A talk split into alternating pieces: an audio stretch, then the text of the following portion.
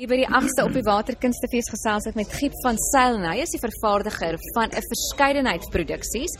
Hier by die 8ste op die Waterkunstefees is een van sy produksie Grapmaker en dan ook 'n een eenman toneel amper oud. Is ek reg? Ja, ek is vir jaar hierso met 'n uh, nuwe produksie met naam van die Grapmakers. Uh oorspronklike teks en konsep deur Lis Meyering en toe aangepas deur Niels Klaasen en Hannes Brimmer. En dan uh ja, dan is Hannes hier met 'n dis meer 'n stand-up komedie um slot, jy weet van so 45 minute waar hy uh ag so 'n bietjie vertel uit sy verlede uit 'n paar produksies, hoogtepunte uit sy lewe en so aan. Maar baie snaaks net soos wat Hannes kan, ja. Hoeveel jaar is jy nou al in die kunstebedryf? Jong, ek vermoed langer as wat jy oud is. nee, weet jy, ek is nou al ehm um, ja, dis seker hier by die 30 jaar minstens. Ehm um, maar kom ons sê, jy weet toe aardklop begin het, ek was in die begin by aardklop betrokke in 1997. Dis waar die vervaardigingsgedeelte van my loopbaan eintlik maar pos gevat het. Ehm um, ons het baie produksies as Aardklop as kunstefees self vervaardig en toe ek weg is by Aardklop het ek net op my eie gegaan. So ja, is like in die laaste 17, 18 jaar is ek skat seker ook al 40, 50 goed vervaardig. Kan jy vir ons die hooftrekke skets wat met 'n produksie deurgaan om op die ou einde op die planke te kan beland? Ja, dis nog hulle dis nog hulle proses. Ek vergelyk dit baie keer met ehm um, jy weet 'n boer wat mielies plant jy moet jy moet die grond hê en die grond moet vrugbaar wees, maar jy moet dit bewerk en dan moet jy die mieliepitte hê en jy moet goeie mieliepitte koop en dan moet jy diep sakke hê. Dit is ongelukkig een van die goed, maar wat basies gebeur uh die die die proses in kort is maar daar moet 'n regtig goeie teks wees en dan moet op 'n manier finansies wees. Dis maar die twee goed waarop dit staan. Ehm um, so hoe dit normaalweg werk as 'n vervaardiger sal 'n skrywer miskien na mense toe kom en sê hoor jy ek het hierdie wonderlike teks en jy lees en jy dink ja, eers laat hierdie ding wat kan werk en dan begin mense wiele aan die rol sit. Jy gaan soek geld want dit is maar wat 'n mens moet doen. Ons kan dalk bietjie later praat oor oor waar mense dit kry en hoe die hele situasie werk deesdae met kunstefeeste in vroeë jare met die streeksrade en so aan. Ehm um, so so dit begin by 'n teks of ek sal sit en gesels met 'n skrywer en sê jy sien man, jy kan ons nie iets saam doen nie of wat van hierdie idee of daai idee. So dit begin by 'n teks. Dit is eintlik waar die ding begin maar omdat die skep van teater ehm um, dit dis maar 'n duurerige proses veral as jy praat van 'n uh, uh, rolverdelings wat 4 of 5 of 6 of meer het. Jy weet 'n uh, een man vertonings een vrou vertonings dalk 'n bietjie makliker bietjie goedkoper. Maar almal van ons wat in die bedryf is wil regtig eintlik groter produksies doen. Ehm um, die laaste paar jaar het almal maar half terug teruggeval op een man en een vrou vertonings omdat dit goedkoper is jy weet met covid en al daai goed um, maar ja, so dis die proses en dan dan as jy die teks het en jy het 'n geldjie gekry, het sy van 'n fees of wat dan begin jy, dan moet jy die die rolverdeling bymekaar sit. Dan hou jy of audisies of jy gebruik van die spelers wat jy nou al in die verlede gebruik het. En dan kom die ontwerpe, jy weet jy moet 'n dekor stel ontwerp, die kostuums ontwerp. Iemand moet 'n beligtingsontwerp doen in 'n klankontwerp. So ehm um, op die ou einde is dit 'n hele klomp mense wat saamkom um, om dit te laat gebeur, maar die belangrikste is dit dit lê by daai teks. Dis soos 'n goeie mieliepit. As jy jy kan 'n slegte mieliepit plant en jy gaan nie 'n goeie mielie uit hom uit kry nie. En net so met 'n verhoogstuk. Jy jy kan nie van 'n van 'n swakker of 'n minderwaardige teks 'n wonderlike produksie maak nie. So jy soek daai teks uiteindelik. Jy maak nou al 'n lewe vir soveel jaar as 'n vervaardiger. Waar in die proses lê die wins vir jou? Ja, weet jy, ehm um, ja, dis 'n interessante ene daai. Ehm um, ek ek sal nie ek sal nie sê vir ons vervaardigers is daar vreeslik wins aan die finansiële kant. Jy weet dit bly maar 'n oorlewingsstryd omdat dit 'n weet teater is in 'n mate 'n 'n soort van 'n eksklusiewe tipe van vermaakvorm en dis duur.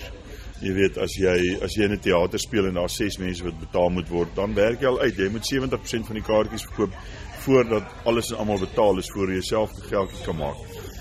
Uh so die wins, ag en baie keer is jy gelukkig, jy weet jy het 'n regtig goeie show, miskien met 'n baie uh, top bekende kunstenaar daarin en dan kom die mense en hulle kyk en so aan.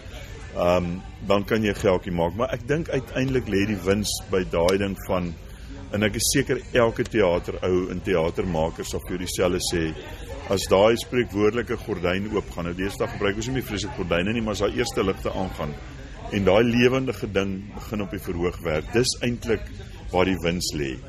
Um vir jou as 'n vervaardiger om te sien hierdie ding wat jy nou al 'n jaar mee karring en sukkel en so aan het het kry 'n lewe. Ehm um, so ek dink dis dis wat die wins lê. Jy weet, as 'n ou se hart daarin is en dis in jou bloed dan dan is dit net maar net soos dit is. Dan jy nou vervaag jy geld so bietjie dan dink jy maar ook ek sal later worry oor oor die rekeninge. Het die bedryf geweldig verander as ons nou dink nog ver voor die pandemie en nou nou dat daar soveel aanbod is vir vermaak as ons dink na films en televisie en radio daar's ander vorms van vermaak ook is dit 'n geweldige ander platform waarna ons kan nou kyk Nee, dit is dit is baie beslis so. Jy weet die landskap het so verander. As ek net vinnig kan teruggaan aan die ouens wat die geskiedenis ken, sal my dalk skiet, want ek het nie al die al die datums perfek reg nie, maar jy kan basies ontwikkeling van teater, kom ons sê in ons land in so drie fases opdeel. Jy weet daar was die vroeë jare, die 20s, 30s, 40s toe die die Hanekoms en Andre Huguenot en hierdie ouens basies in 'n bus geklim het met 'n sleepwa agter met 'n dekostel of op 'n trein met 'n dekostel. Hulle het van dorpie na dorpie gegaan en hulle produksies gedoen en so 'n lewe gemaak. En toe het ehm um, het die streeksrade gekom. Jy weet, ek kan nou nie onthou nie, ek dink die 50s, die 60s, ek is nie seker nie. Maar professor Anna Netling Pool het 'n baie groot rol destyds gespeel daarin dat die staat begin het om 'n geldjie te gee. Want dit is baie moeilik om 'n lewe te maak net uit teater uit. Dit is dis regtig moeilik. Ehm um, en daar het gekom die streeksrade so al die ou provinsies en Suidwes-Afrika het 'n streeksraad gehad wat gesubsidieer was. In vandag se terme kan jy amper sê dis 'n borgskap wat gesubsidieer is deur die staat. En daar was natuurlik toneel, daar was opera, daar was ligte musiek, daar was dans. Jy weet dit was net absolute bloeitydperk want iemand anders het daarvoor betaal. En elke kunstenaar en regisseur en skrywer het 'n salaris gekry. So dit was dit was 'n bloeitydperk, maar nou ja, in die politiek al die goeders het verander. En toe hier so so in die middel 90s, jy weet hierdie streeksrade basies toe nou ek ek sal nie sê tot niet gegaan nie, maar in daai vorm wat dit destyds bestaan het, het het opgehou bestaan.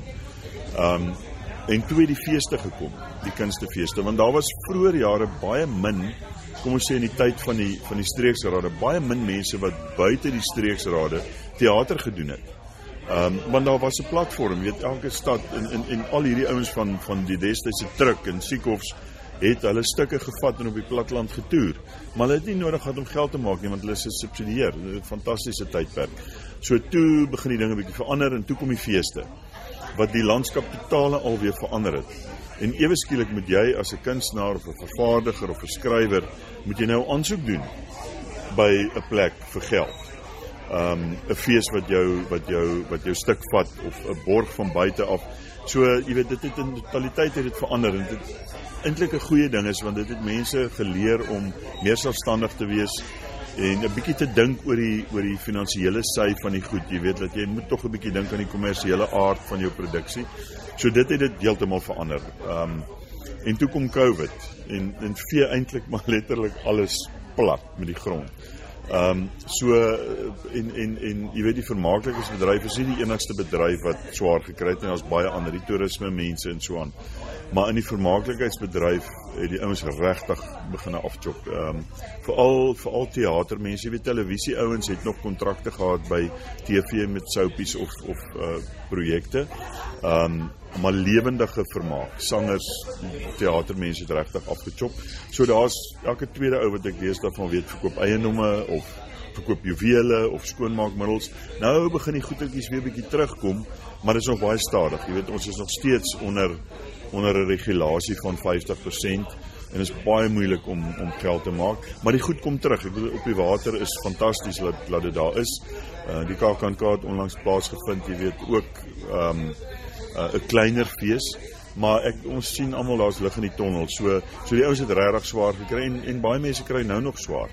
Ehm um, en dis nie asof en ek sê altyd vir die ouens, dan sê hulle, "O, maar nou is alles nou oop. Nou maak julle seker weer geld." Sê ek, "Nee, onthou die boer storie, jy moet nog steeds die mieliepot plant, dan moet jy hom nat lê, dan vat dit maande, dan hoop jy dit reën, dan kom die mielietjie op en weet so dit dit vat tyd. Ongelukkig is dit goed nie oornag uh, gebeur nie, maar ons is ons is baie dankbaar dat ehm um, dit lyk of daar jy weet of daar lig aan die einde van die tonnel is. Kan jy 'n voorspelling waag waar teater oor 5 jaar gaan wees, spesifiek in Suid-Afrika?